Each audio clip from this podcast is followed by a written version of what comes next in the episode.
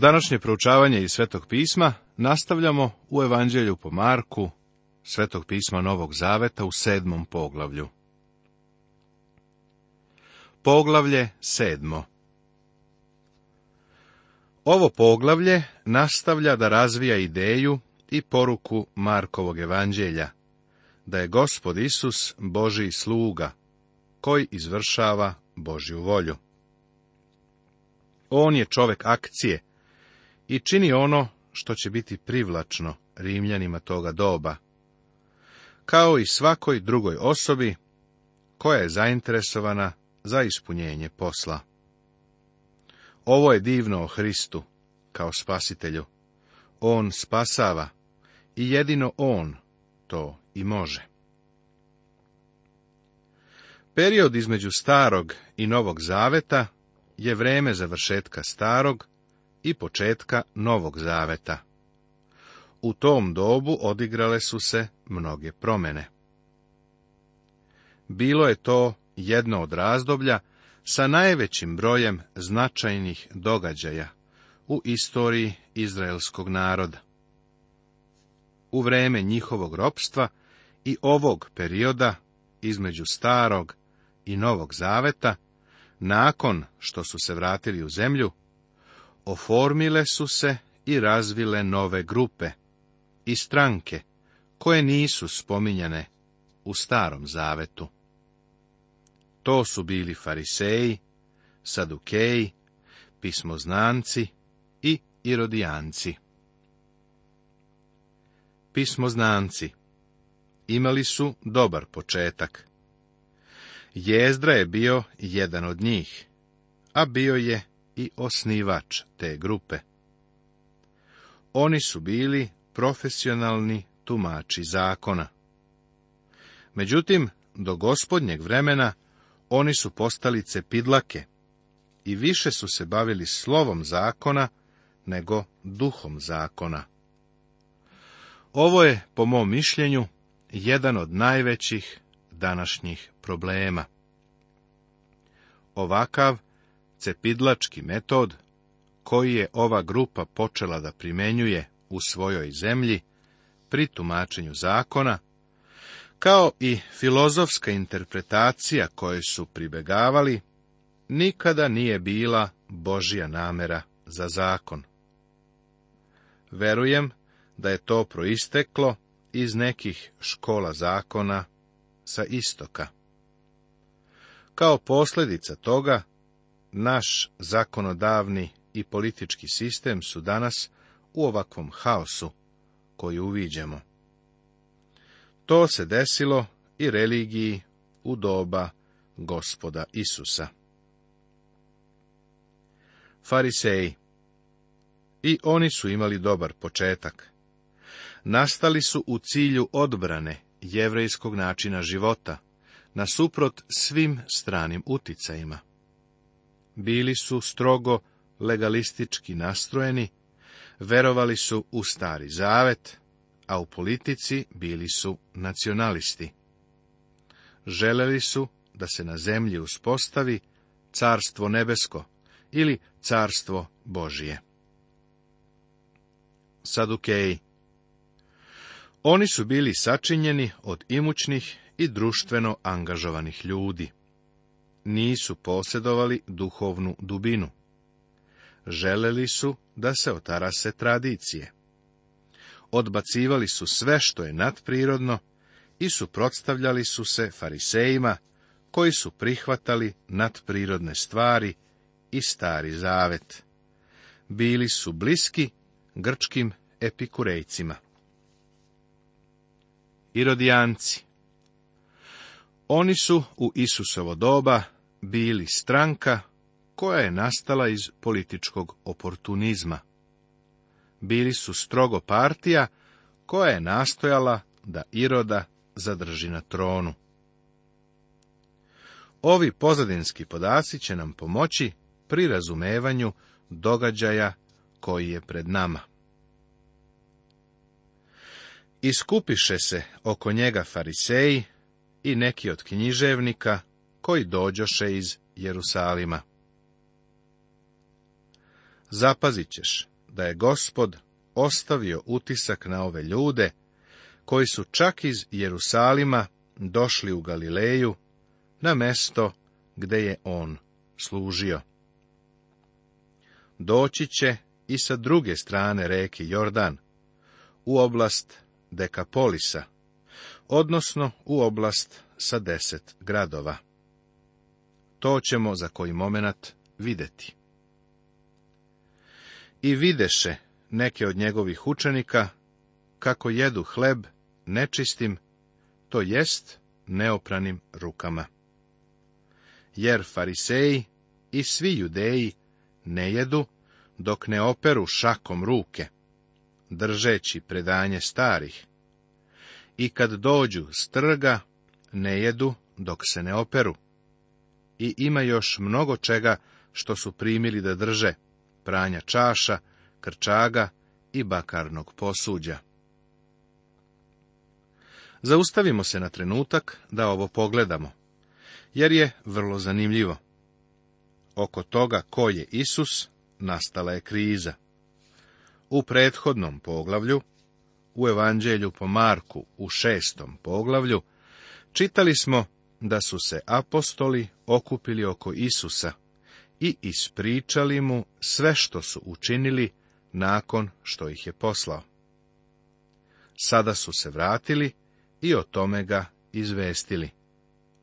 Ali sada i fariseji dolaze i okupljaju se oko Isusa. Doći će do konfrontacije između Isusa i njegovih sledbenika i fariseja i njihovih sledbenika. Jedna grupa je sačinjena od Isusovih prijatelja, njegovih sledbenika, onih koji ga vole, a druga od njegovih neprijatelja koji žele da ga unište. Uvek je bilo tako. Postoje dve grupe. Oni koji Isusu veruju i oni koji ga odbacuju.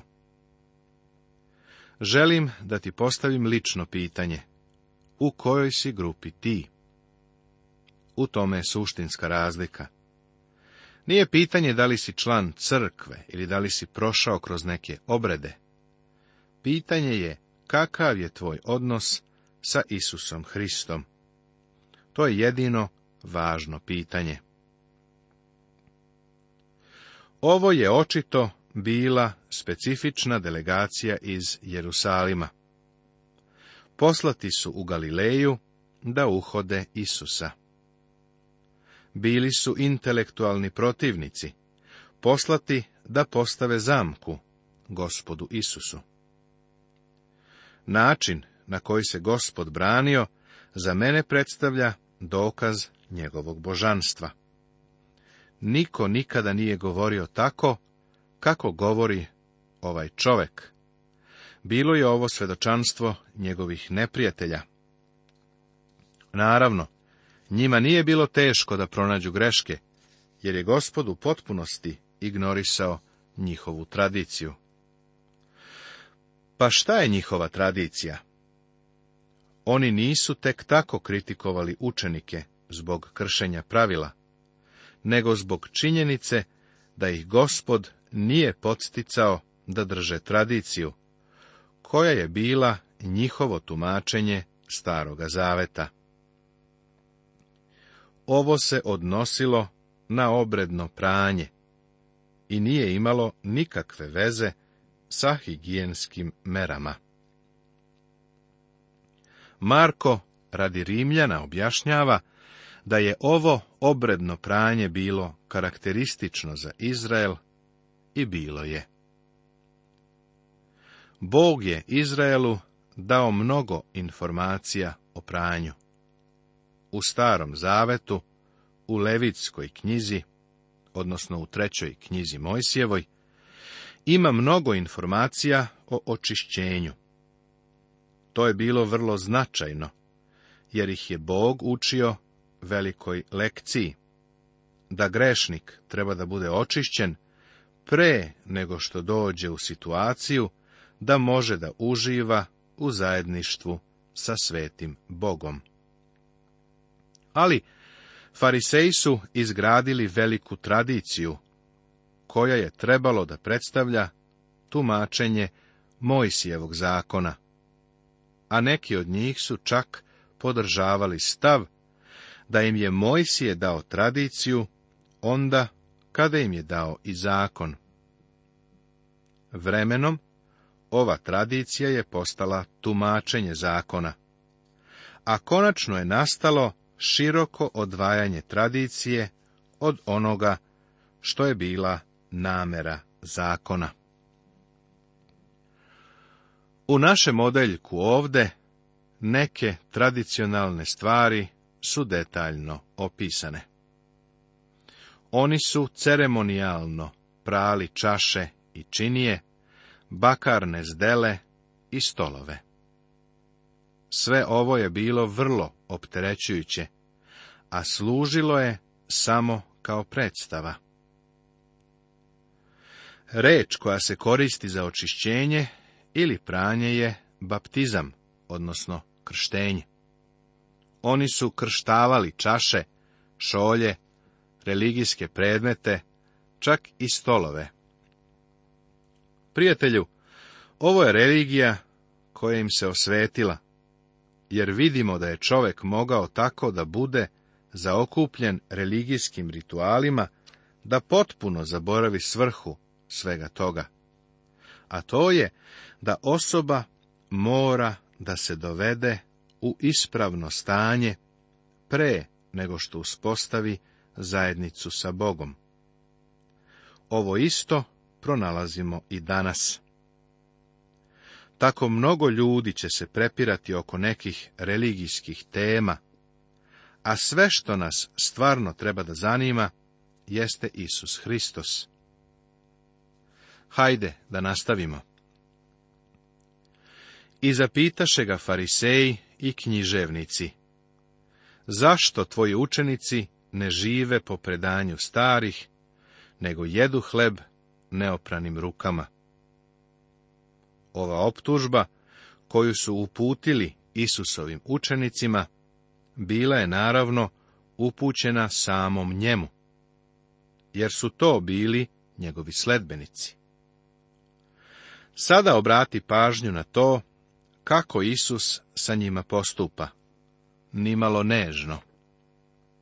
A on im reče, dobro prorokova Isaija za vas licemere, kao što je napisano. Ovaj narod me poštuje usnama, a srce njihovo je daleko od mene. Ne bih rekao da je ovo nežno. Licemer je onaj koji se pretvara, igra ulogu. Licemer je reč koja se koristila za glumca na pozornici.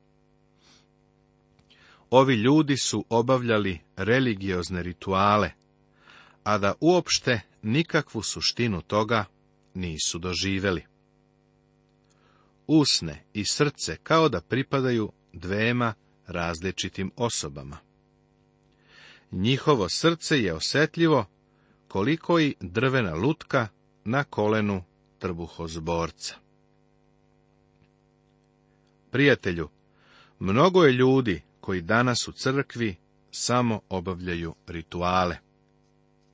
Ako je to nešto stvarno, onda u to mora da se uključi i srce. Ako dakle svojim ustima ispovediš da je Isus gospod i poveruješ u svom srcu da ga je Bog vaskrsao iz mrtvih, bit ćeš spasen. Jer srcem se veruje za pravednost, a ustima se ispoveda na spasenje. Ovo je zapisano u poslanici Rimljanima u desetom poglavlju Svetoga pisma Novog Zaveta. Ljudi se danas uključuju u veroispovesti i crkvene konfesije, u javna bogosluženja, u oblačenje, pa čak i u odvajanje. Sve ovo je postalo stvar tradicije, a ne direktnog i ličnog odnosa sa gospodom Isusom Hristom. U zalud me poštuju, učeći nauke koje su ljudske zapovesti. Obožavanje i poštovanje je uzaludno, kada ljudska pravila zamenjuju Božju reč. Sada dolazimo do prave srži problema. Ostavivši Božiju zapovest, držite ljudsko predanje. Pranja krčaga i čaša i drugo mnogo što šta takvo činite. I govoraše im, lepo ukidate Božju zapovest, da sačuvate svoje predanje. U tome je cela stvar. Reč Božiju su zamenili ljudskom tradicijom. Tradicija stvarno može biti dobra i može se uspostaviti iz dobrih razloga. Međutim, postaje loša kada u kasnijim generacijama zameni Božju reč. Baš to se desilo ovim ljudima ovdje. Mislim da je ovo razlog što su se danas mnoge denominacije udaljile od Božje reči. Oni prvo Božju reč zamene ubeđenjem. Zatim to počinju da zamenjuju ljudskim rečima, ljudskim razmišljanjem, pa onda sobstvenim ritualima i svojom ličnom malom denominacijom. Nedugo posle toga, reč Božja leti kroz prozor. Ovo se stalno dešava. Jer Mojsije reče, poštuj oca svoga i majku svoju. I ko ruži oca ili majku, smrću da umre. A vi kažete, ako čovek kaže ocu ili majci, krvan je, što znači žrtveni dar, ono čime bih ti pomogao. Sada im on daje primjer šta oni rade. Mojsije je u zakonu rekao da treba da poštuju oca i majku ali njihova tradicija im je dozvoljavala da izbegavaju svoje odgovornosti prema roditeljima. Ako čovek ne bi želeo da pomogne ocu i majci, kada oni ostare i budu u potrebi, on bi svoje imanje posvetio svešteniku u hramu, i to je nazvano korvan, što znači dar. Po smrti tog čoveka, njegovo imanje je išlo hramu, a čovek je bivao oslobođen odgovornosti prema roditeljima. I ne dopuštate mu više da išta učini ocu ili majci, ukidajući Božju reč svojim predanjem, što ste ga predali, i mnogo što šta tako činite. On kaže da je ova tradicija pogubna i da se direktno protivi nameri Božijeg zakona, da se poštuju otac i majka. Danas postoji ogromna opasnost da će ljudi davati bilo kojoj grupi ili organizaciji samo ako im se svidi.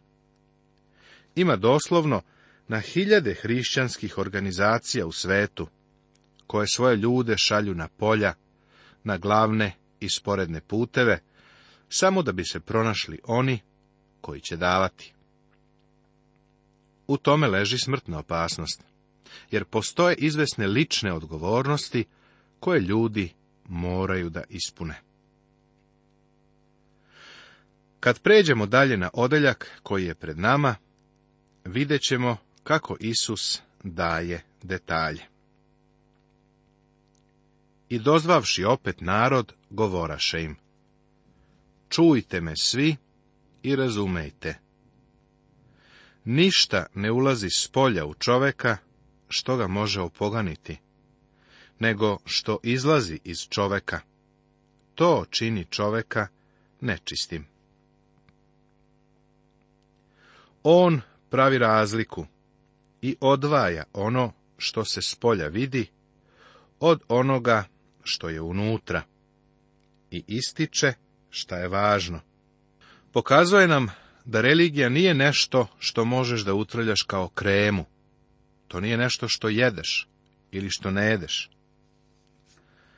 Zatim ćeš primetiti da je ušao u kuću, a njegovi učenici su došli da ga pitaju o toj paraboli.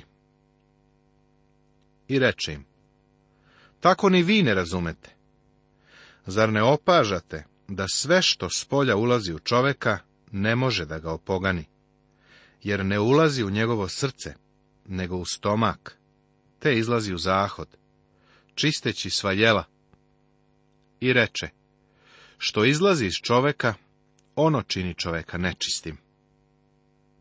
Hajde da pogledamo šta izlazi iz čoveka.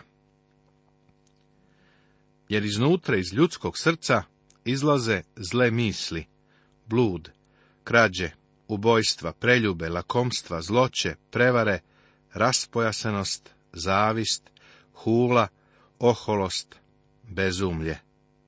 Sva ova zla izlaze iznutra i čine čoveka nečistim. Nastavit će se.